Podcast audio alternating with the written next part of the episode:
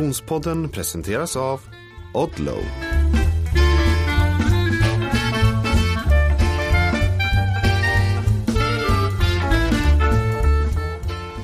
Hej och välkommen till Konditionspodden. Vi är framme vid avsnitt tre denna elfte säsong och jag som pratar heter Frida Zetterström. På andra sidan poddlänken, Oskar Olsson, tjenare. Tjenare! Hur mår du? Jag mår ju alldeles utmärkt. Mm. Lite, eh, eh, lite genomkörd här nu på kvällen, eller? Du har tränat? Ja, jag har tränat lite, eh, men mest har jag hjälpt andra som har tränat. Ah, Okej, okay. jag trodde ni hade, alltså att det var så här teammöte med bara er som var i Team Längdskidspecialisten idag. Nej, det var med vårt farmalag eh, fokus. Så vi har en grupp under oss också som är tappra motionärer som kämpar, eh, som är en del av teamet. Så vi har jobbat mm. mycket med dem och hjälpt dem med tekniker och sen har haft lite prat om eh, höstsäsongen som kommer och lite läger och så. Härligt! Ja. Fick du åka några Så jag har verkligen fått skifta fokus. Ja, men jag har fått röra på mig lite. Eh, jag eh, körde lite lätt stakmaskin för överkroppen. Mina ben är fortfarande smashed. Mm. eh, och körde lite stakmaskin igår och kände i höger rump, Eh, alltså sätesmuskel och höger vad när jag, när jag gick från gymmet. Så att, kroppen är ju fortfarande sargad. Så det blir en långsam försiktig väg tillbaka där jag lyssnar till kroppen. Det låter bra det. Och anledningen till att kroppen är sådär smashed är faktiskt eh, det vi ska prata om i veckans avsnitt.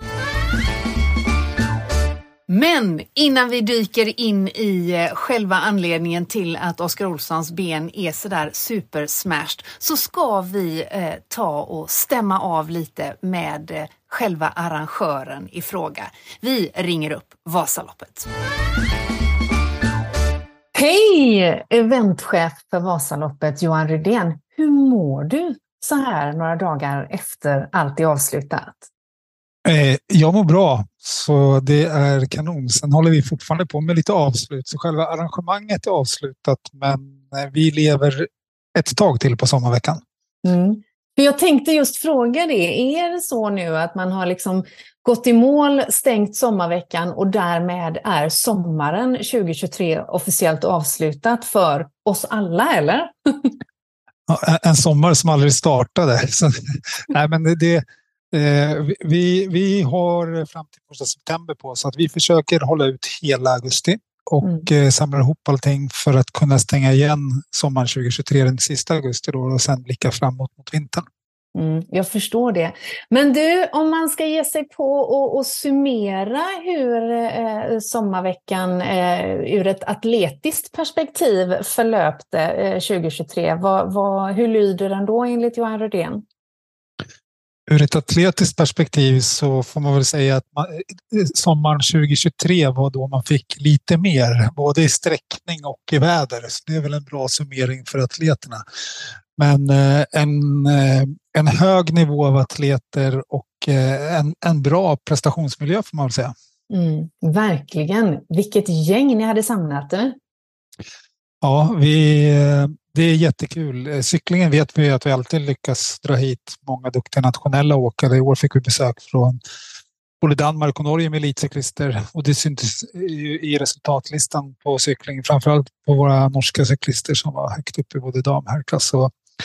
Ultravasan och Trailvasan 30 var ju också ett eh, gediget startfält på, på löpare. Så det var kul att få se den här mixen av elitlöpare och eh, vanliga motionärer. Mm, mm. Och precis som vanligt så är det ju just den mixen som är liksom magin kring eh, allt som Vasaloppet eh, tar sig för, åtminstone om du frågar mig och jag tror många av Konditionspoddens eh, lyssnare. Den där mixen är ju helt fantastisk. Det var några nyheter i år, bland annat Funkisvasan eh, eh såg jag. Ja, och den var ju en succé. Det var helt underbart att stå i målet och få se de deltagarna som var med ta sig an sin utmaning och få, få gå mål under Vasaloppsportalen. Ja, det var ett testlopp i år, men jag är ganska säker på att det är ett lopp som är här för att stanna. Mm, det förstår jag det. Du, eh, Konditionspoddens lyssnare har ju eh, fått ta del av Vasaloppets sommarvecka som en del i Oskar Olssons utmaning i, eh, på rekordet för Vasatrippen. Eh, det har ju inte undgått någon lyssnare och säkert inte dig heller.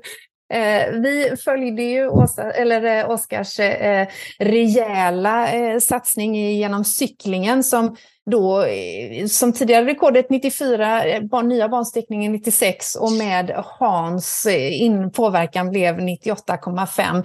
Eh, och sen var det dags för löpning. Eh, vad säger vi Johan om eh, eh det här rekordförsöket egentligen? Nej, men Oskar är ju en inspiratör och med sitt rekord så inspirerar han ju många runt om i Sverige att anta sina utmaningar. Och eh, rekordförsöket, ja, han har väl gjort vad han kunde göra i sina förberedelser och sina prestationer i år. Sen att eh, det var yttre faktorer som kanske mer satte käppar i hjulet för att han skulle nå hela vägen. Och då, då tänker jag både på att vi fick göra lite omläggning av banan på, på cykelbasen och att eh, det varit en liten ofrivillig omläggning av banan på, på löpningen också. Men han har gjort otroligt, eh, en otroligt stark prestation och inspiration. Jag vet ju att han åkte upp på ett spår och det, det var ju ett ensamlopp han åkte hela vägen själv i vintras och gjorde det jättebra. Ja. Eh, och ehm, Eh, även Vasaloppet gjorde han också bra. Han tog ju två försök i vintras då, men eh, sen så kom cyklingen och då var det väl vädret som gav en liten extra utmaning och det vart en extra kilometer. Och, och löpningen blev det också och jag tror att eh, det, det är nog svårt att, att ta ett rekord ett sånt här år. Mm, mm. Ja men så är det ju definitivt och det, jag menar, det där är ju en definitionsfråga eh, naturligtvis eftersom eh, det gamla rekordet på eh, 15, 20, 30 är ju precis som du själv konstaterar eh, faktiskt baserat på en annan bansträckning. Hur ser ni i organisationen på på det att man nu har en ny bansträckning eh, och, och när, när det handlar om ett rekord för hela epitetet Vasatrippen? Mm.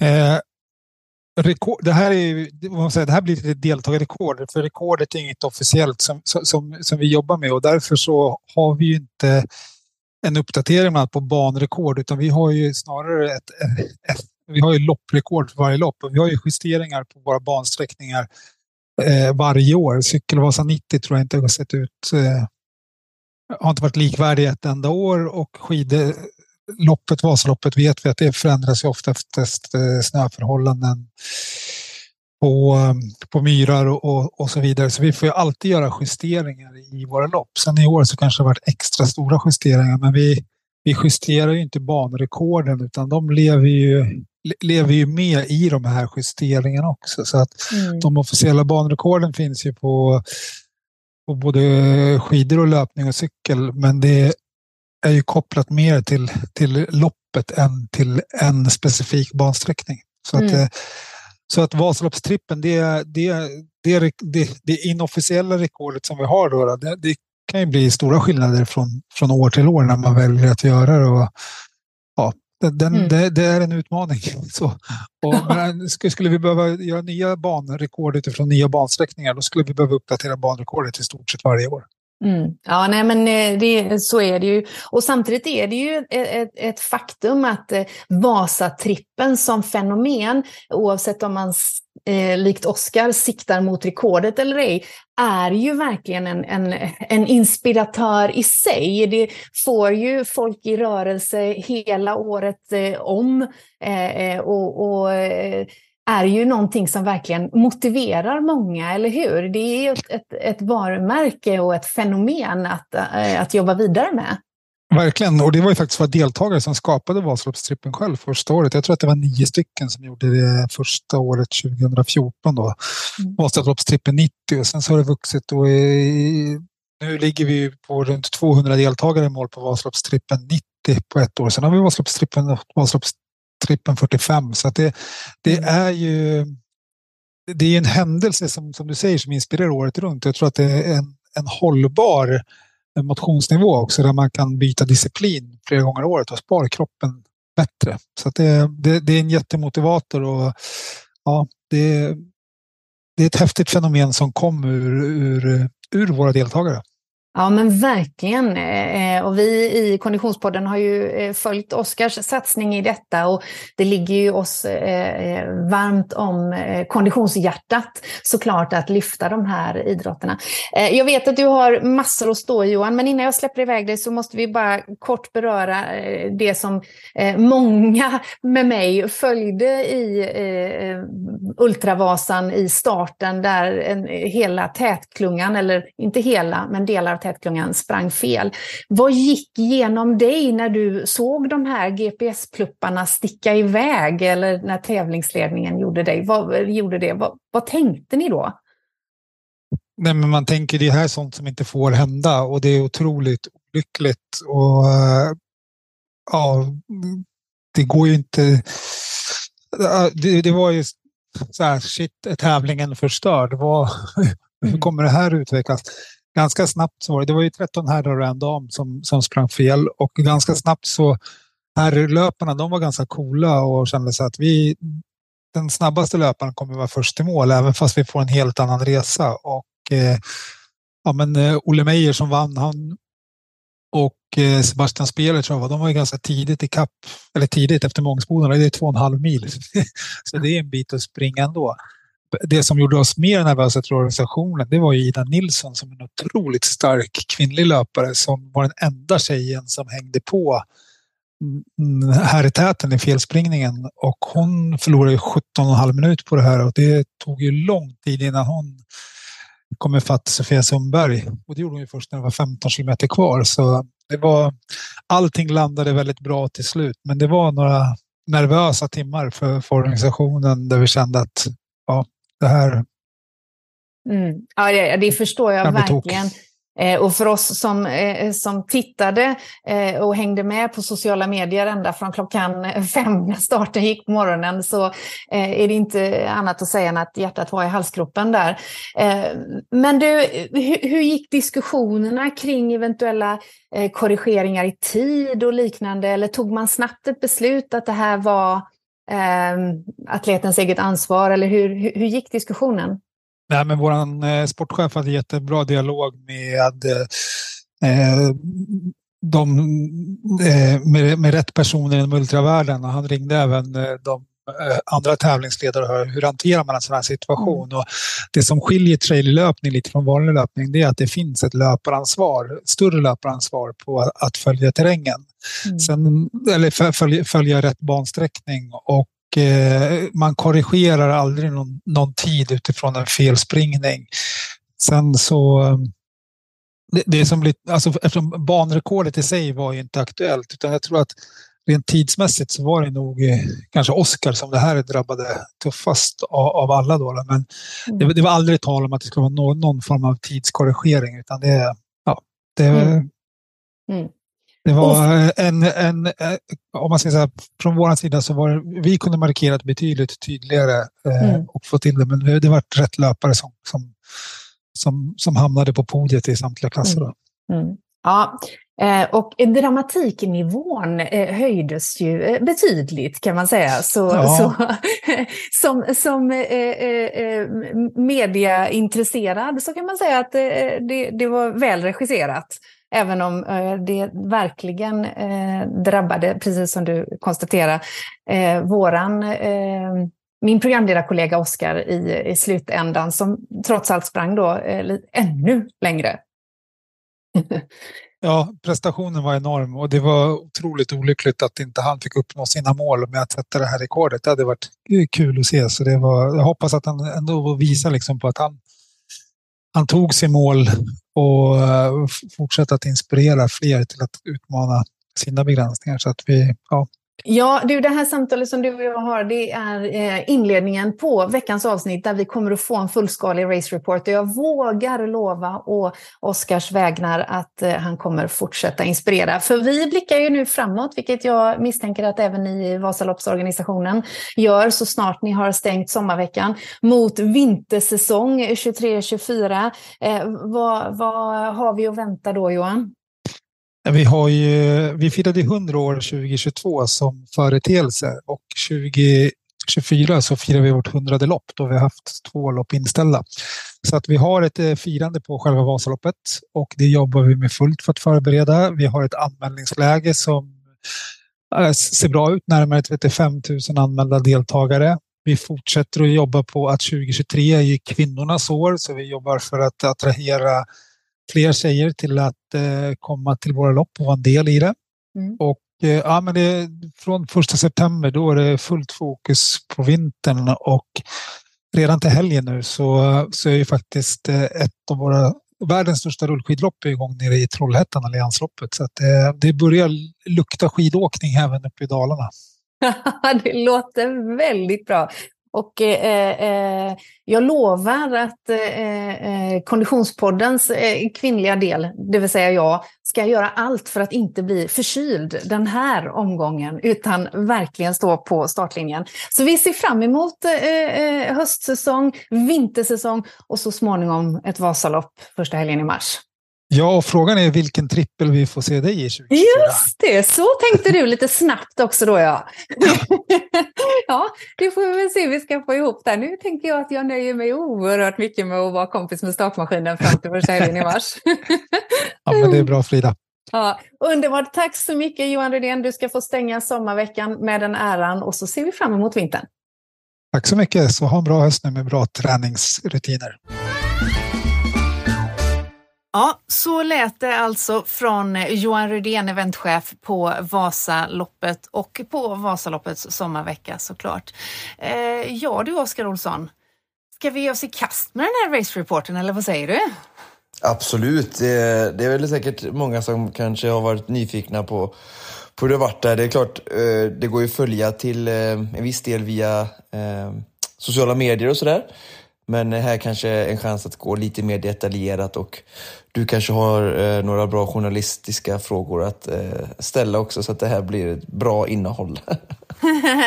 ja, det vet man aldrig om de dyker upp de där frågorna. Men eh, det kändes ju som att vi fick eh, rätat ut ett par frågetecken eh, eh, när vi lyssnade på Johan. Ja, absolut. Jag tycker ju, nu pratar jag ju väldigt eh, fritt från hjärtat här bara, eh, vad som kommer först. Eh, och den här perioden som har varit eh, kring rekordet eh, har ju känts, eh, jag hittar inte något bra ord nu, men smolk i bägaren på något sätt. Alltså, det var så nära och sen så var det så mycket incidenter och faktorer som, som var runt omkring just med, med barnlängder och sådär. Så att jag har haft svårt att eh, hitta i mig själv vad eh, jag själv står i detta och hur jag ska se på det. Så jag har nästan bara så här, eh, väntat på att någon annan än mig själv ska ha en åsikt och, och berätta hur det egentligen är. Och när, när Johan ändå säger typ så här, men, ja men oavsett banlängd och sådär så är det det här rekordet och Oscar klarar det inte så känns det verkligen skönt på något sätt att få lite svart på vitt eh, och, och att någon verkligen liksom, ja, eh, konkretisera det lite och, och framförallt någon som inte är jag. För jag vill ju inte göra en bedömning av min egen prestation känner jag. Nej, nej. Eh, och och, och jag, jag, tänker att det där är ju eh, anledningen till att det är lite luddigt och känns lite luddigt är ju för att det inte har varit supertydliga Eh, regler eller instruktioner eh, i, i, i, vad, i hur rekordet ska behandlas. Eh, eh om det är eh, på själva fenomenet Vasatrippen, om det är baserat på eh, vilken bansträckning och, och, och liknande. Och det, det, fick vi ju höra från Vasaloppet, hur de ser på det. Eh, och det är ju deras syn. Eh, och det är ju de som äger varumärket, så på så sätt är det ju det som gäller. Sen kan man ju konstatera att den tiden som den tidigare rekordinnehavaren eh, presterade samma distans, det har ju du presterat snabbare. Mm. Ja, just. Det vet mm. vi ju. Ja, så det är sant. Att, eh, så jag har inte eh, sett riktigt, men nej. det är ju sant. Så, så, så eh, på så sätt så kan man ju säga att det målet som du satte upp för dig själv, det har du ju egentligen uppnått. Eh, mm. Även om målet eh, skulle eh, krönas med själva titeln och rekordet.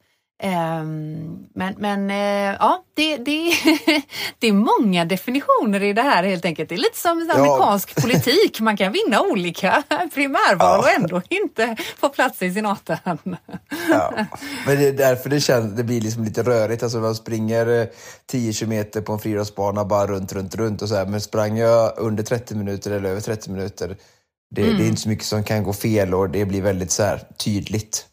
Mm. Här har det bara liksom varit, varit svårt. Jag har liksom fumlat i det här otydliga. Eh, eh, och jag, jag, jag, vill inte att det här ska på något sätt låta som att jag letar efter sympati eh, eller synd om mig på något sätt eller så, utan eh, jag kommer fortfarande härleda största delen till eh, och det kommer vi komma in i race-reporten, att anledningen till att jag inte kom under 15 timmar och 20 minuter var att jag sprang för hårt när jag efter felspringningen och blev förivrad och eh, jag promenerade i, i slutet av loppet vilket gjorde att jag tappade jättemycket tid. Vilket jag mm. inte hade behövt göra. Så att det är ändå där jag mm. lägger störst fokus för mig, för mig själv för varför jag inte riktigt eh, ändå trots incidenterna nådde kanske fram. Mm. Mm. Och för den Konditionspodden-lyssnare som händelsevis har klickat in på detta, det tredje avsnittet, den elfte säsongen, utan att ha lyssnat på de andra och därför ställer sig lite frågande till vad i hela fridens namn det är vi pratar om, så är det alltså så att under året som gått så har eh, eh, ju du eh, siktat eh, först med Vasaloppet, sen med eh, eh Cykelvasan och slutligen nu i helgen med eh, Ultravasan på att slå det befintliga rekordet på 15 timmar och 20 minuter som innehas av en check. Eh, och på grund av då det som vi redan har berört och vi hörde eh, Johan Rydén eh, prata lite närmare om. Förändringar i bansträckningen, oväder i form av Hans, en felspringning som vi kommer att komma in på i dagens avsnitt, så blev det helt andra distanser.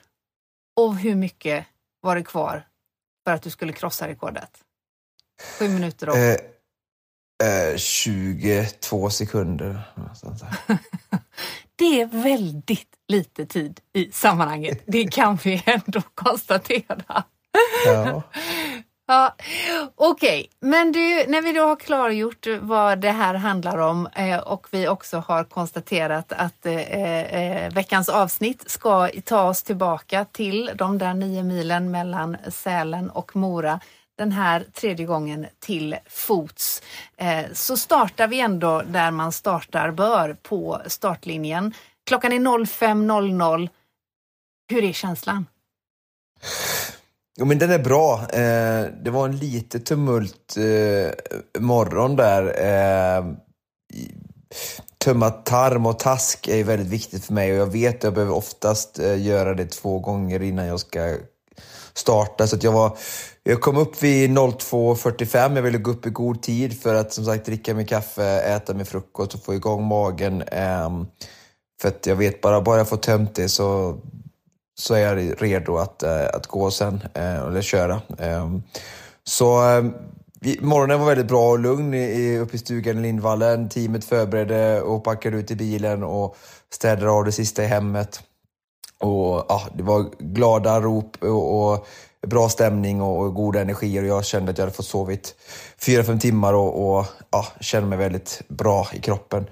Eh, kom ner till startplatsen vid fyra tiden. Eh, var inte alls så stressigt eh, som det kan vara nere i Bergaby. Eh, ganska liksom, trevlig, lugn så här, stämning tidig morgon. Glada människor, inte alls den här eh, hetsen och jag kan inte låta bli att Alltså jag vill inte på något sätt eh, måla, svartmåla eh, själva fenomenet av Vasa på vintern och sådär, men... Eh, Fast det är ju lite... omtalat. Ja, precis. ja, precis. Men samtidigt vill jag inte förstöra, för jag förstår att det är en del av det och allting och sådär, men jag har varit inne på det förut lite, det här att, att ha startgrupper, eh, alltså eftersom att den platsen är så pass limiterad i liksom, antal besökare du kan ha. Och nu har vi 16 000 och det är ändå väldigt mycket människor på snö, snöförhållanden och i den lilla platsen. Så har jag ju pratat om det här att, att ha liksom startgrupper, olika tidslottar för att eh, göra det eh, mer eh, hanterbart för organisationen med, med mycket folk på samma plats. Och, Eh, just den här mängden människor skapar mycket sån här stress upplever jag bara. Jag kan, jag kan ta på den stämningen när folk springer i panik och det är lite mer otrevligt eh, miljö bara upplever jag. Och nu när jag är både Cykelvasan och eh, eh Ultravasan så är det en helt annan miljö upplever jag. Jag kan bara tala ut för mig själv. Och mer chill eh, inställning och folk är glada och inte alls stressade. Och folk går runt där lite och fillar sina grejer och det är klart det är lite lättare med kanske cykel och löpning än med, med skidor och det är inte lika kallt och, och sådär. Liksom, så att, Ja, ja, eller i väldigt... alla fall löpning i, i kontra skidåkning. Cykel är ju, eh, har ju teknik och eh, material men, men det är klart att eh, mm. löpning jämfört med skidåkning, där är det ju hela momentet med materialet som man inte har. Mm. Ja. Uh, ja. Det är ju färre folk också såklart. Det spelar ju jättemycket alltså, roll. Liksom så. så att, men jag kan verkligen rekommendera folk att, uh, tycker ni att det är lite stressigt på Vasaloppet så eh, pausa där ett år och, och testa löp eller cykelvasa. Och springer nio mil istället. Ja, ja, och jag vill bara skicka med det att om ni tränar lite, eh, lyssnar på Konditionspodden, ställer era frågor, så lovar jag att vi kommer lösa eh, så att ni gå, gå springer eh, de här nio milerna. Eh, om ni inte ska, eh, måste ha en speciell tid så kan ni ta 12, 13, 14 timmar på er och få en fantastisk upplevelse till fots också den, den sträckningen. Så det går jättebra. Ni ska inte sätta upp eh, massa begränsningar för er, för kroppen är fantastisk och de flesta av er skulle klara om ni verkligen bestämde för er. Mm, det är bra. jag känner mig inte det minsta träffad utan går raskt vidare till att startskottet har gått. ja, även jag, jag fick ju då gått till slut på eh, toaletten en andra gång eh, nere i Bergaby. Och, men det satt långt inne utan att gå in på detalj. Men till slut eh, så fick jag löst det och det var väldigt befriande och eh, sen då så var vi på startlinjen. Eh, musiken spelas, eh, Vasaloppet är väldigt duktiga på att göra pampiga eh, startförfaranden. Eh, denna gången eh, inget undantag. Eh, vi kommer iväg eh, och 500 meter efter start så dör min klocka.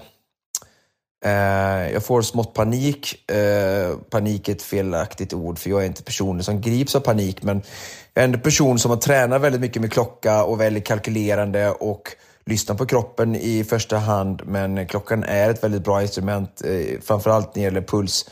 Eh, men även ha lite koll på hur långt jag har sprungit, eh, hur ligga till mot rekordet till exempel? Eh, kilometertiderna säger ganska mycket om hur fort det går och tillräckligt fort och sådär. Och snittfart och sådär. Så den här, min absolut bästa vän för dagen eh, jämte mitt eh, super crew team jag hade med mig eh, dog alltså 500 meter in på, på 92 km lång löpsträcka. Eh, så det var lite eh, frustrerande kan jag säga. Eh, men jag verkligen återigen där försökte liksom så här jobba mentalt. Okej, okay, hur vänder vi det här till något positivt, Oskar? Jag höll på att försöka få igång den i uppförsbacken flera gånger och var väldigt störd i min löpning generellt. Eh, för jag höll på att fippla med den här eh, bövlarklockan.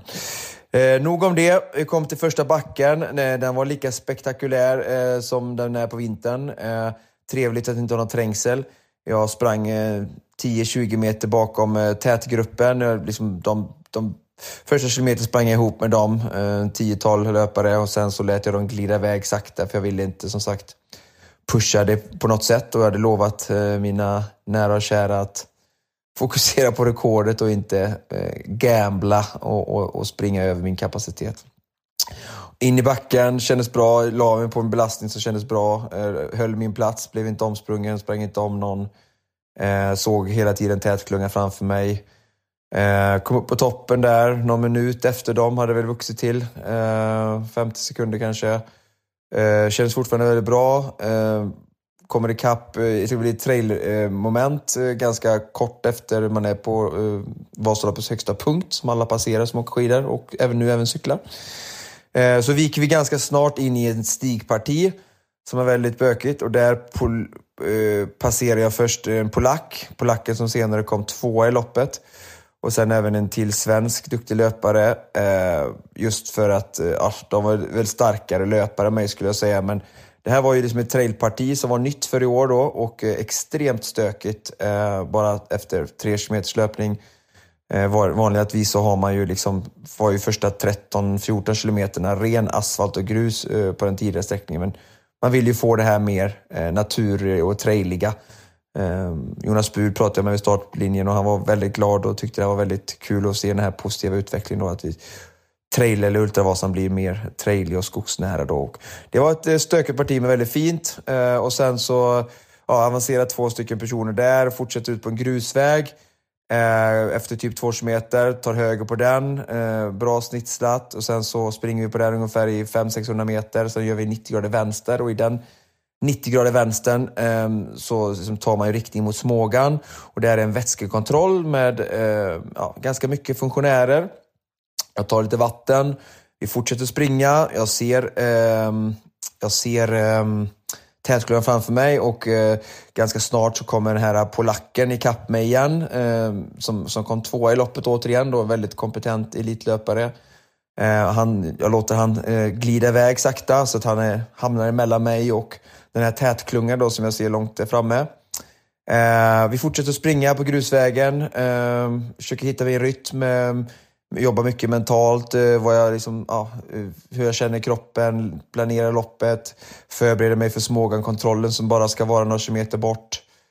Eh, ja, och den här grusvägen börjar liksom bara bli längre och längre. Eh, jag börjar känna så att ah, det är långt, borde vi inte svänga av höger snart? Alltså, det, jag kommer ihåg att jag hade den känslan, men och det börjar gå väldigt mycket uppför. Eh, om man kollar på höjdkurvan på en bild jag la ut, eh, nu är den ju borta, men så ser man att det börjar gå uppför, uppför, uppför. Och jag tänker, det första tanken jag har är att oj, ännu mer höjdmeter. Vi har ju varit på Vasaloppets högsta punkt och nu är det ännu mer höjdmeter. Och jag då, till skillnad från alla andra, har ju lite, lite fixering av att jag vill att det ska gå så fort som möjligt och är ju väldigt besvärad över allting som gör loppet långsammare eftersom jag har en en tid att passa i Mora. Eh, till skillnad från de andra som egentligen bara ska liksom försöka vara starkast för dagen. Eh, jag tävlade mot en tjeck som, som tävlade för två år sedan. Eh, och ehm, ja, Vi fortsätter springa och sen då väldigt surrealistiskt plötsligt så bara ser jag tätklungan stå framför mig några hundra meter bort helt stilla. Eh, och om vi bara stannar det, alltså det är då de 13 första löparna, sen har jag, ja, det, det, har jag det, det är kanske med 8-9 och sen så är det en, en eller två herrlöpare bakom mig och sen är det första damen då som också är lite bakom mig. Vi är ju lite så här, det är ju lite glapp emellan oss. Eh, men vi står högst uppe på en vändzon, eh, uppe på ett kalhygge eh, och klättrar ganska många höjdmeter och de står stilla. Eh, det är en ganska surrealistisk känsla på något sätt för att det är liksom the front of the race det är ett väldigt stort lopp som följs på, eh, som, som har TV-coverage på, på Vasalopps TV. Och, eh, det är liksom elitlöpare från runt om i Sverige och utlandet. Och de står bara, liksom bara stilla. Det ser ut som att ni är ute på någon så här kompisrunda och de står och pratar. Och det, innan jag kopplar och, ja, du vet, och Ja, innan, jag, innan jag kopplar så är det bara väldigt konstigt och sen så ganska fort så fattar jag bara nej, de har sprungit fel och så fattar jag hur mycket, alltså det börjar ju bara rusa grejer i tanken. var så här, jag får ju bryta nu. Ja, det är över. Ja, vad ska jag, jag får springa nästa år. Eller, ja, det var det. Det var ju tråkigt. Um, och sen helt plötsligt då, men, så liksom, de gör ju det enda man kan göra i det här fallet. Det är ju bara att springa tillbaka och leta efter senaste sedda snitsel. Um, och här Pratar blir du liksom... med någon i det här läget? Absolut. Jag pratar med Elov en del. Um, ja, absolut. Och vi hamnar ju i en form av klunga allihopa. Uh, och problemet här är ju nu då, eller jag ska inte säga ett problem sådär, men de här då, de absolut bästa löparna, fyra, fem starkaste löparna i det här gänget, de, mm. Eh, de saktar ju inte ner, utan de springer ju på i sitt tempo. Och det blir ju sådär som att ja, men jag får ju hänga på här nu. Alltså jag måste hitta tillbaka, jag kan inte liksom ta mitt tempo. Alltså jag är ju utanför Nej. banan. Eh, så jag hänger ju med och de springer ju fortare än vad jag vill springa. Eh, men ja, jag springer med dem, eh, det är inte så mycket att göra och det går fort. Eh, och vi springer tillbaka eh, kilometer efter kilometer och det visar sig vara en dryga fyra kilometer, alltså två kilometer ut och sen tillbaka då samma väg. Eh, och sen eh, rätt som det är då ganska tidigt den här vätskekontrollen som jag nämnde tidigare så, så ser vi ett, ett koppel av löpare som, som väller in i skogen på en stig. Eh, och det är ingen skylt, eh, det är ingen, var ingen avgränsning på grusvägen där du skulle ta över till höger på stigen. Och på alla andra ställen där det fanns minsta tillstymmelse att springa fel eh, längs med Vasaloppsbanan så var det ju stora blåa ATA-band eller sådana här klassiska trästockar som de använde för liksom att blockera och markera att här ska du inte springa. Eh, och för mig blir det kanske ganska tydligt att bansträckningen från Smågan till Mora, den var exakt som alla andra år. Och där har de eh, svartbälte i att ja, bara gå på rutin och det är de vana vid. Detta var ju mm. ny bansträckning, kanske nya funktionärer. Den vätskekontrollen de hade där uppe har de inte haft förut. Så att de har inte gjort den här snitslingen och de har inte haft funktionärer där uppe i den terrängen. Um, och det vi hörde också i intervjun av Johan var ju att han sa att vi kunde ha liksom gjort det bättre. Och uh, ja, det är väl ingen som kan... Uh, alla håller väl med om det då. Och jag pratade med Anna Hellström, en god vän och vän till podden och ja, ni som lyssnar vet vem hon är och vann Ultravasan förut. Hon kom ju några minuter bakom oss och hon, de två personerna framför henne hade sprungit förbi den här avtagsvägen. Hon hade ropat på dem för hon var ju bara några meter bakom och såg väl folk in i skogen då och eh, hon har också noterat att den här typen av stock då, den låg nere i diket som precis där vid stigen gick in och den skulle ju säkert ha lyfts upp och placerats eh, Eh, över grusvägen så att liksom man inte fick för sig att springa rakt fram på den här då. För vi springer ju på en grusväg och sen är det bara ett litet dike och så är det bara ett man springer liksom med skogen till, på sin höger sida. Så att, sen där inne i skogen hängde det ju en snitsel, men alltså mm. det var väldigt svårt att förstå. Sen är klart, alla löpare som kommer efteråt, de, som Jonas Bur, de här då, som hittar kanske ganska bra då, de har hela tiden haft en person bakom sig. Och så länge det inte är något glapp på mer än några meter så ser ju folk att någon springer in. Men på gruppen, vi var ju väldigt isolerade med, från den här tjejen då som som senare som tur nog eh, vann loppet. Eh, bakom henne var det ett för stort glapp så att det var ingen som såg att vi sprang fram, fram så vi lurade liksom inte någon mer. Då, liksom. Okej, men när, liksom, när du springer där och du inser att okej, okay, vi är tillbaka på rätt bansträckning. Vi har sprungit jättemycket för långt. Jag har tappat massa tid. V vad går genom ditt huvud då? Ja, det går väldigt mycket i mitt huvud. Eh, jag börjar ju eh, räkna eh, tid, hur mycket vi har tappat. Jag tänker, ja det är flera kilometer, minst 25 minuter tänker jag. Och så vet jag då att, okej okay, 25 minuter. Och då vet jag att jag ska springa på 7.40 och jag eh, tänkte att jag kanske en bra dag som sagt skulle kunna springa på sju timmar men det var någon typ av drömscenario. Och helt plötsligt har jag blivit satt eh, med kniv under strupen att springa då i min värld på 7.15 eh, för att klara detta. Ehm, eh, och när vi kommer in på den här stigen så är det ju kanske 200 löpare minst som är före oss och det är ett enda koppel. Och vi springer ju inte på stigen eh, knappt utan vi får ju springa om, alltså ut i spenaten och så in på stigen och ut på spenaten för att liksom, folk är extremt ödmjuka och snälla. Mycket mer eh, hjälp, behjälpliga än de skulle behöva vara. Men de förstår väl någonstans att vi är snabbare löpare som har hamnat fel och känner väl liksom att ja, de gör rätt i att släppa förbi oss då. Eh, så att de agerar ju väldigt snällt eh, och ödmjukt eh, men det tar ju väldigt mycket energi att hålla på sådär, alltså in och ut på den här stigen. Ehm, och återigen då så hänger jag ju med då de, de tre, fyra bästa löparna som sen, och även Olle som, som vinner loppet sen och här går jag ju också över min förmåga och men känner väl liksom att jag har inget val och jag känner bara att vi tappar bara mer och mer tid när vi springer in i skogen. Vi kommer ut på någon sån här liten bro över någon bäck och då får vi liksom promenera på den och Ja, stressen är bara såklart, eh, hos mig i alla fall, jag kan bara prata för mig själv, väldigt hög. Men jag känner även bland de andra tätkillarna som, som racear mot varandra att de, det är väldigt mycket stress helt plötsligt. Liksom. Um, och jag har ju den här tiden liksom att eh, jag har verkligen bråttom. Eh, för jag har tappat eh, 25 minuter tänker jag för mig själv eh, utan att veta. Um, men det är inte så dålig gissning så här i efterhand heller. Ehm, sen till slut då kom vi ut på den här grusvägen. Jag fortsätter att springa med med Ekvall och, och Elov som jag ser där. Eh, Viktor som vann förra året eh, har sprung, öppnat upp några meter lucka till dem. Ehm, men vi springer väldigt fort på grusvägen, ehm, säkert 3.30 fart närmare där någonstans. Springer om mer och mer löpare. Um, och, uh, du förstår redan här såklart att du egentligen håller för högt tempo? Ja, ja, ja. ja, ja, ja. Vad är det som gör att du inte här saktar ner?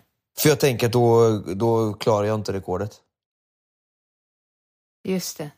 Man ska också komma ihåg att det är väldigt lätt att sitta här nu i efterhand eller hemma i tv-soffan och tänka men Oskar, det förstår du, om du bara saktar ner lite så kommer du klara rekordet ändå. Mm. Ja, fast mm. i den paniken och den här stunden så tänker vi inte alltid så klart. Återigen, jag kan bara ta, prata för mig själv och eh, människor med mig, mer erfarenhet än mig har säkert hanterat situationen bättre, men jag hanterar situationen så bra jag kan och jag kommer ihåg att jag tänker någonstans att den som kan eh, vända det här till något positivt och den som den som tar, tacklar den här otroliga utmaningen som vi mötte på bästa sätt är den som kommer komma ut vinnande ur detta. Mm. Um, så det har jag ändå med mig på något sätt att vara väldigt positiv. Uh, även om det är väldigt svårt. Uh, sen kom vi in i Smågan, jag ser att klockan, jag hade tänkt att vara i Smågan på uh, 45, strax under 45 minuter någonstans. Och tror vi passerar, klockan står typ, ja nu är klockan eh, fem över sex eller något sånt där säger spiken. Och ja, det är ju bara total misär. Um, och oh. ja, vi springer ur kontrollen och här någonstans vi springer ur kontrollen så, så släpper jag dem eh, lite mer då eh, för att försöka ändå sansa mig. Springer fortfarande på mycket fortare än jag hade tänkt att göra vid den här eh, platsen i loppet. Eh, men som sagt, eh, känner jag inte att jag har något val så att Springer på fort, eh, har ingen klocka och puls som klack så jag har ingenting alltså, att gå på där heller. Men... Jag känner att jag måste avbryta det lite för jag känner liksom att bara ta in tanken att man har nio mil att springa och efter när det är åtta mil kvar, då är det total misär. Det måste ju vara, mm. det, det, det, det, om det inte är en övermäktig uppgift och från början ge sig i kast med nio mil så måste ju känslan av att det är total misär när det är åtta kvar vara, ja ja, den, den är svår att ta in faktiskt.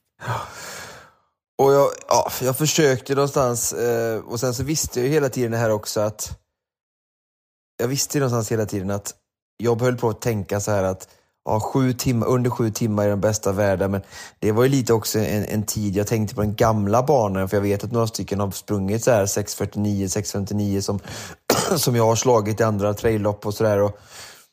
Eh, på liknande distanser på Sancho Backa. Och, så jag visste det, men alltså det, nu, nu var det ju en ny bansträckning och menar, om vi kollar vinnartiden då 2020-2022, då var den 6.10, 6.15.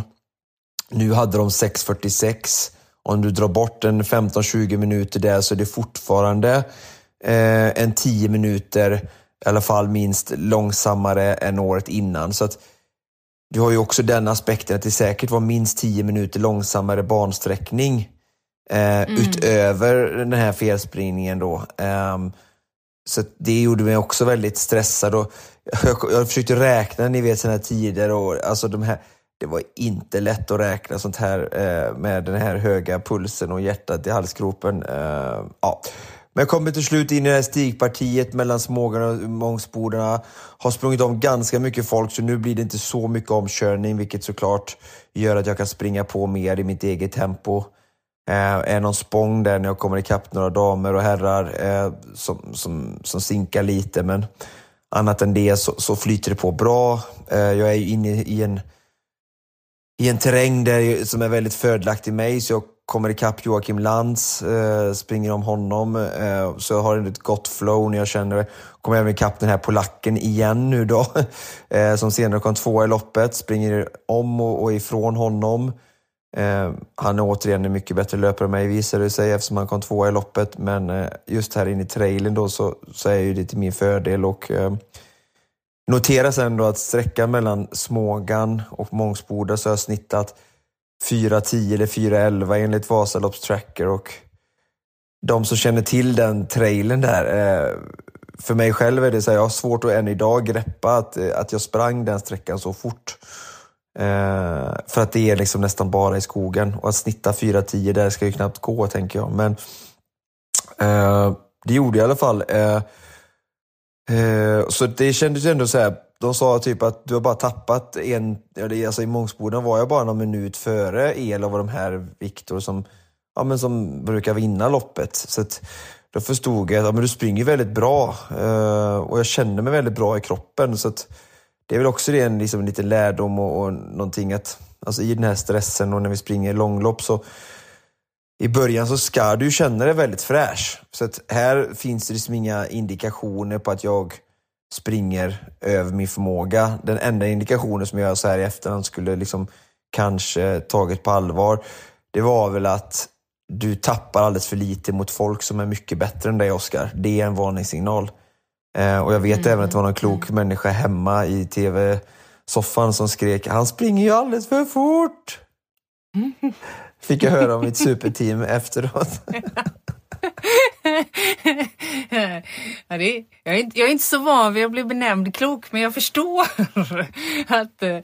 Eh, ja, och, men men det, det, det är faktiskt intressant. Eh, för det du refererar till är ju att jag satt hemma och, skötte, eller, skötte om publiceringarna medan då Thomas Ottosson var den som både langade Eh, eh, din nutrition men även materialet till oss lyssnare och tittare.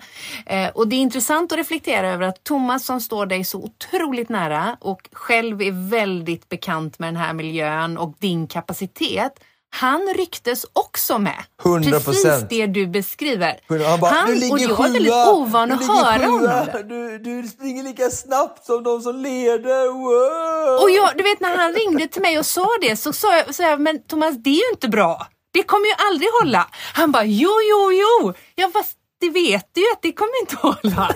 Och han kunde liksom inte, det är väldigt ovant att inte han tog in det. Men han var helt med i glädjen, euforin över att ni hade hittat tillbaka och att det, det fortfarande liksom kunde gå. Vilket ju äh, ni båda såklart hade väldigt rätt i nästan, nästan, nästan, nästan. Jag är väldigt tacksam att Thomas hade tro på mina överkrafter som inte infann sig den dagen, men någon dag så kanske de infinner sig. ja, Okej, okay. ja, vi ska inte gå händelserna i förväg samtidigt som vi kanske inte ska gå igenom alla nio kontroller. Men, men, men om vi flyttar fram klockan en liten bit då, var, vad, vad landar vi då någonstans? Var är vi? Ja, men alltså, jag fortsätter då, till slut så blir jag omsprungen igen av den här polacken då som jag hade sprungit ifrån i skogen. Eh, och det sker någonstans... Bytte eh, ni liksom mellan... mejladresser och så där och så att ni skulle bli brevvänner jag, skrev, jag skrek, jag skrek Dobschi när han sprang om mig i skogen, bra på, på polska, han var supertrevlig. Han bara “keep going, keep going”. Och, eh, han sprang om mig strax innan Risberg, eh, upp i backarna där och jag hängde på han. Eh, nej, det var efter Risberg han sprang om mig. Och sen ehm, ja, sprang vi ihop, sprang jag med honom en stund. Återigen där då, okej okay, jag springer med han som kommer tvåa i loppet alldeles för länge inte så klokt så här efterhand såklart, men jag kände också så att om jag bara hänger på han lite nu så får jag lite draghjälp att tappa mindre tid eller ta in mer i tid i rekordet. Och de började ta upp den här skylten som vi pratade om innan och jag tyckte mm. att den tiden gick alldeles för långsamt ner och här, återigen här är så bara ett tydligt tecken på hur dum du är. För när, jag, när Thomas sa till mig när vi hade typ 12 meter kvar loppet, han bara, ja men Oskar, du har hållit på i sex 6.42 nu eller 6.50 eller sådär. Alltså, 6.40 tror jag han sa när det var typ 12 minuter kvar. Du kan ju, hade han sagt att du har hållit på i 8,5 timme så hade jag trott på honom för jag hade gått så länge. Så det säger lite om hur, alltså jag, jag kunde liksom inte räkna, alltså, matte var inte vass alltså. Så jag fortsatte springa någonstans väldigt fort och saktade inte ner för att jag kände liksom att det här äh, tiden mot rekordet inte kom ner fort nog. Och jag skulle väl tänkt på att men du behöver ju inte vara noll Evertsberg, men det var någonstans det jag kände att jag behövde för att ja, vara on the safe side på något sätt. Liksom. Um, mm. Och ja, men vi jag, kommer ut på Evertsbergssjöarna vid 42 kilometer där och liksom, ja, men nu har jag sprungit fyra, ja, ja, med nya bansträckningen liksom sex kilometer längre, så det var ju nästan fem mil. Jag räknade ut det, när jag kom till Evertsberg så hade jag sprungit 53-54 istället för 47 som det är på, på skidor och på den gamla Ultravasan. Um, så det är ju sex kilometer längre då i och med den nya bansträckningen och eh, felspringningen då. Så att redan här har du sprungit sex kilometer för, ja, skitsamma, passera bud strax innan Eversbergskontrollen och går upp på sjunde eller sjätte plats och eh, Jonas Bud säger Oskar, jag, är den, jag är den sista motionären som inte har sprungit fel som du passerar. Det är bara elit framför dig nu. Eh, jag bara, mm. ah, du är väl ingen motionär, sa jag till Jonas. Uh, men uh, ja, så det var ju också roligt att, att springa med han någon minut där och sen kom in Eversbergskontrollen själv. Lämnar den, uh, känner mig bra, springer ut nerför där, vet att det alltid är tufft nerför Eversberg för att låren är lite ömma och det, det, liksom, det, det det piskar på nerför. Men håller ändå bra fart. Eh, tycker att det är lite jobbigt att jag inte får några kilometer splitta på klockan som är fortsatt skiner med sin frånvaro. Men pulsen är låg känner jag och eh, ja, allmäntillståndet bra. Energin har liksom mitt team skött liksom klanderfritt och ja, har bra med, med kolhydrater i kroppen och, och sådär. Eh, kommer ner mot Vasslan, inga problem börjar gå upp för jag vet att nu är det ett tungt parti, ganska mycket klättring upp till Oxberg. Förbereder mig på det, att ta det lite konservativt, hålla igen lite. Kommer till Björnarvet, där kommer jag ikapp Viktor som, som vann, vann loppet 2022. Uh, eh, och då tänker jag att okej, okay, men då håller jag inte så dålig fart uh, eftersom jag kommer ikapp honom. Han hade lite problem med magen så det förklarar ju en del, men han kom ändå sexa till slut så hade jag hängt på honom hade jag klarat rekordet. Uh, Kommer in i Oxbergskontrollen. Eh, har släppt iväg Viktor 30 sekunder någonting, men eh, känner ändå gott mod. Här börjar jag känna att det tar emot lite. Spiken säger, här kommer Oskar, han var, för, för en vecka sedan var han alldeles lerig eh, och gjorde en jätterolig intervju och nu är han här och jagar rekordet och du har ju det som i en liten skatt eller något sånt där säger hon liksom. Mm. Tji fick jag. Um, ja, lämna Oxbergkontoren, men här börjar jag kämpa lite, men känner ändå så här, ah. Och här börjar jag liksom tycka att, här har jag någonstans räknat jättefel, för jag räknar flera gånger. Så här, är klockan 10 nu, eller om klockan är 11 och jag skulle vara i mål 12.40, det var bara 2.40. Och jag försökte kolla vad klockan var i kontrollen, men jag såg ingen klocka på armen. Jag kollade i kontrollen vad klockan var. Jag fick liksom inga indikationer, jag fick inga tider, ingen aning. Det var så frustrerande. Det var... Äh, Ja, det är bland det jobbigaste på det loppet. Jag visste inte vad, hur långt jag hade på mig. Jag kände att det var så jobbigt och det var också liksom, svårt att styra farten. Här lite upplevde jag. Ja. Men det var bara att sluta gnälla och, och liksom kuta på. Och, ehm, eh, ja, springer mot Gopshus och någonstans sista en kilometer, en och en halv, två där innan Gopshus så, så, så började det haverera. Något så kopiöst. Eh, och för den som inte vet då så har jag ju sprungit Eh, det är ju då 63 plus 6 och det är ungefär 69 kilometer med felspringning till Oxberg. Plus kanske 5, så jag ligger väl någonstans runt 75 kilometer i kroppen drygt när jag kommer till, till Gopshus. Eh, och eh, eh, de ger mig vätska där och jag blir stående i 4,5 sekund. Och sen eh, bara liksom känner hur benen är liksom färdiga. Försöker jogga ur kontrollen, går inte. Eh, ja. Och sen bara är liksom promenerar jag typ från Gopshus till en bit eh, efter Läde. Jag försöker springa flera gånger. Jag kommer ihåg när jag kom in i kontrollen i Hökberg och liksom, jag jag frågade om vi har energi, jag alltså, fyller på med lite energi, men liksom, det är ingen energibrist, det är ingen kramp. Det var, var ganska roligt, jag kommer in mot högkontrollen där så, så är det några sådana här skittrevliga supporters som har, liksom, jag har sett flera gånger för de supportrarna och löpare som är framför eller bakom mig. Och de är, man blir ju liksom som lite bekant med dem nästan, för de träffar på en så ofta. Och de hejar på en själv också, väldigt supportade och sådär. Då har du fått kramp, eller? Jag, jag skriker till dem att det finns ingenting som heter kramp. Det finns bara liksom att vi har sprungit över vår förmåga och muskeln har fått jobbat för hårt. Eh, Just det, du, och du jag, tänkte att du skulle liksom, undervisa dem lite där. Ja, precis. Jag bara liksom, glöm, kramp är den största ursäkten. Liksom. Jag, jag har bara liksom, I met my overman. Uh, I ran over my ability. Uh, end of story. And I own own it myself. Så eh, äh, men det var total misär att gå igenom Hökberg. Jag tänkte på Frida när hon bara säger så här, ah, jag har sett dig hur du mår när du, när du verkligen är så här trött och går i, i Gops, eller Hökberg där och mitt i natten på Supervasan. Och, och bara, alla de här kommentarerna åker igenom mitt huvud och jag liksom börjar tänka att ja, men, de flesta utmaningar du gett dig an, Oskar, har du klarat och nu ska du verkligen få facea ett, ett big failure här och liksom jag förstår ju att när jag ska gå hela vägen in så det kommer ju ta minst tre timmar in och jag liksom ja, kommer jag under nio och en halv, tio timmar ska jag ju vara glad liksom. Uh, ja, men det är ju bara att acceptera det gilla läget, ge sig själv förståelse och peppa sig och förbereda sig för 2020-2024. Alltså det var det som gick i mina tankar. Det var ju otroligt mycket eh, sorg och frustration som jag fick möta där i mig själv, tillsammans med mig själv. Um, ja, samtidigt jag försökte heja på löpare som sprang om och de gav roliga tillrop. Alltså de ser någon från liksom 90 km sträckans nummerlapp eh, går där så fattar de att eh, han har ju inte så roligt. Liksom. För det börjar komma folk som springer 45an. och sådär. Så det, det är inte bara andra löpare jag tävlar mot som springer om utan många andra som, som, som springer just då den halva distansen.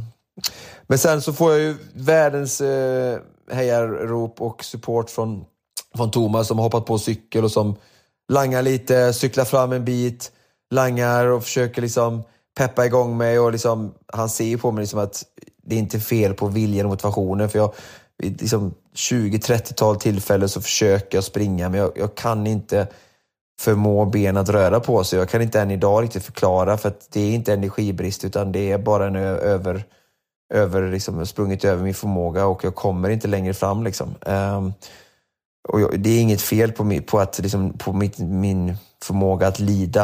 Uh, det, det, är så ironiskt. Det kommer någon löpare, jag försöker hänga på, men det, det, det är helt omöjligt. Det är värre än Supervasan 2020, den första versionen. Alltså, för då var jag också helt slut där. Liksom. Men då, då, då sprang jag ju ändå. Men, men här, här går mm. det inte alltså.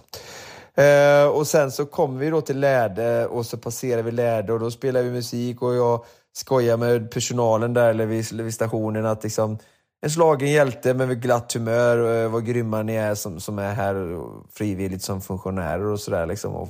jag har verkligen liksom gett upp och liksom så här, jag går in till Mora från Gopshus. Liksom. Det är det jag håller på med. Så någonstans där när det är 12-13 km kvar så, så provar jag igen och så bara helt plötsligt märker jag att det går lite nu, nu kan jag liksom få upp hälen och knävecket är inte helt sträckt och liksom, det går att springa. Och sen så går det ganska fort från liksom sex minuters löpning till fem minuters löpning. Och sen känner jag att nu springer jag ju. Liksom. Och benen gör ju ont åt bara den, men, men eh, det är fortfarande smärta. Jag kan, kan, jag, alltså smärtan har jag alltid kunnat hantera, men nu går det att springa. och sen Sen springer jag de sista 12 kilometerna under fem minuter per kilometer, eh, vilket än idag är också likt, likt den här splitten jag hade mellan Smågan och Mångsboda. Någonting som jag själv är väldigt chockerad över och det är jag inte så ofta chockad alltså. Eh, men eh, ja, så jag tar mig nu in i mål på, på liksom med, med, vad ska man säga, med, med skammen i behåll för att det är klart att jag, jag skämdes väldigt mycket och eh, ja, det blev ändå någon typ av räddning och det blev inte en total genomklappning men i mina ögon så, så har jag mer eller mindre liksom klappat igenom och gjort en, ett väldigt dåligt lopp. Eh, jag förstår att det kanske inte andra från utifrån tycker så, men, men, men för, i mina ögon mätt med vad jag kom dit med så skulle jag ju springa rätt bansträckning, ha koll på banan och, och springa under 7.20 på en, en ny och för lång eh, bana. Eh, och det, det klarar jag absolut inte. Eh, ja, och sen var det gick i mål och eh, eh, ja, det var ju ganska torr stämning inom teamet. De sa inte så mycket. De hade hoppats på att få fira stackarna och eh, det var ingen rolig eh, intervju om att jag var, var liksom hero eller något sånt där. Liksom, utan man försvann in i mängden och jag kommer ihåg att jag hade väldigt ont i kramparna och ånger i magen. Och, eh, ja, det var en ganska eh, dunkel målgång, eh, får jag ju erkänna. Jag har gått igenom det där många gånger och du har varit med några gånger när jag har firat med champagne och sådär. Så att jag vet hur du kan smaka. Mm. Um, och um, ja. Sen tog vi oss till hotellet, duschade och sen var vi ute på kvällen och ändå liksom, då hade jag, jag sa det, jag pratade med min mor, eh, hon ringde. Eh, och eh, ja, eh, jag sa det, jag vägrar att vara bitter över detta. Alltså, det tänker jag inte vara. Usch! Utan jag ska fortsätta sprida glädje och visa hela myntet. Eh, och myntet har ju två sidor, alltså framgång och motgång eller medgång och motgång. Och mm. vi, vi, vi behöver lära oss att gilla båda sidor om vi ska vara med i leken så att säga. För att eh, det är också som jag skrev i min race report där på Instagram att eh, det är de djupa dalarna som, som gör att de höga topparna smakar så gott. Eh, och det är det fina med livet och, och det är jag ändå tacksam över. Eh, så att mm. även om det låter eh, drama, vad det hjälper mig med ordet som du kan Frida? Eh, jag, vet, jag, jag, jag kan många Dramatoriskt eller dramaturg, drama, det här liksom, Dramaturgiskt? Ja. Alltså eh. att det var, att, det var att, att vi hade efterfrågat den här dramatiken menar du? Eller? Nej, men att det hela liksom, att det låter lite dunkelt och dramatiskt, ja. alltså själva målgången och liksom ledsamt och sådär. Men jag menar att, ja. att vi inte vara rädda för att uh, visa att det, den sidan finns ju också av idrott och av livet mm. menar jag. Mm, mm. Och att det inte alltid är liksom rosa moln och så. Nej men verkligen, och, och jag, jag tänker att det är det är väldigt många bitar i det här som jag tror att många av Konditionspoddens lyssnare eh, både uppskattar och tar förhoppningsvis till sig. Eh, verkligen många bitar utav det. Eh, och, och eh, ja, du har ju liksom tänkt alla de här tankarna så det är inte så mycket att tillägga. Eh, jag vet att jag skickade något sms där efter ett tag att ta nu tid och också få vara besviken om man nu eh, känner det. Eh, för du är ju ganska snabb på att hitta lärdomar och, eh, och det är inget fel i att hitta lärdomar. Ehm, men, men jag tänker också att man får lov att vara besviken. Men det har du ju beskrivit att du var under tiden eh, eh, såklart. Så att, eh, ja, det har jag, ja. jag, jag, jag, känner verkligen på de här känslorna med mig själv och flyr inte dem kan jag säga på något sätt. Nej, nej. Um, det, det, här, vad, vad, gör det med dig framåt? Vad gör det med din känsla för, för eh, Vasatrippen? Jag, jag sa det i, i, till eh, Thomas idag, att eh, jag aldrig varit så här motiverad inför en utmaning i hela mitt liv. Och med utmaning så menar du alltså samma sak 2024? Ja. Bra! Mm. Jag bara ja. låter kroppen eh, läka och få sin tid till återhämtning. Sen är startskottet för 2024 eh, igång helt enkelt. Jag har, eh, jag har gjort det här så mycket så att jag har en tydlig plan utstakad och eh, ja, och det är det fina. Alltså, alltså där vi hittar motivation för oss själva. Alla hittar motivation på olika sätt och eh, jag tänkte säga att jag är lite färdig nu med de här illdåderna. Mm. Men eh, ack så fel vi kan ha. Men det var du inte. Nej. Och jag menar, jag tycker inte det känns jobbigt någonstans, för jag vet ju också någonstans hur mycket jag trivs och gillar eh, jakten och eh, alltså hela den här resan mot eh, våra inre eh, alltså utmaningar som det ändå är någonstans, för att vi gör dem i mångt och mycket med oss själva, i oss själva dagligen, uh, ut efter våra egna förutsättningar och ja, Mm. den nivå av utmaning vi har satt för oss själva. Så att, och jag får jättemycket, I feed from them. Alltså jag finner mycket energi i dem och den energin eh, spiller jag ut i övriga livet på familj och min son och mitt arbete och mina vänner. Så att, alltså jag hämtar mycket energi i mina utmaningar och hoppas att jag kan, liksom, ja, den energin vill jag använda till att liksom, på min omgivning och hoppas att de, att de känner att de får ta del av den energin för att jag hämtar den därifrån. Mm, mm. Ja, vi i Konditionspodden känner energin eh, eh, verkligen och eh, eh jag hoppas att du som lyssnar får, eh, känner att du får ta del av den. Eh, om du som lyssnar känner att du vill respondera på någonting utav det du har hört, något av det som Oskar har berättat, eh, så är vi ju såklart väldigt tacksamma om du hör av dig. Eh, vi får ju mycket eh, reflektioner.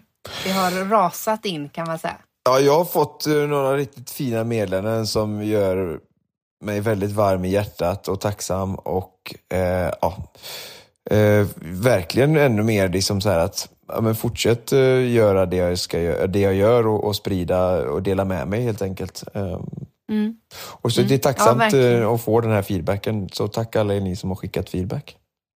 Mm. Ja, eh, det är fort, fortsatt bara att höra av er.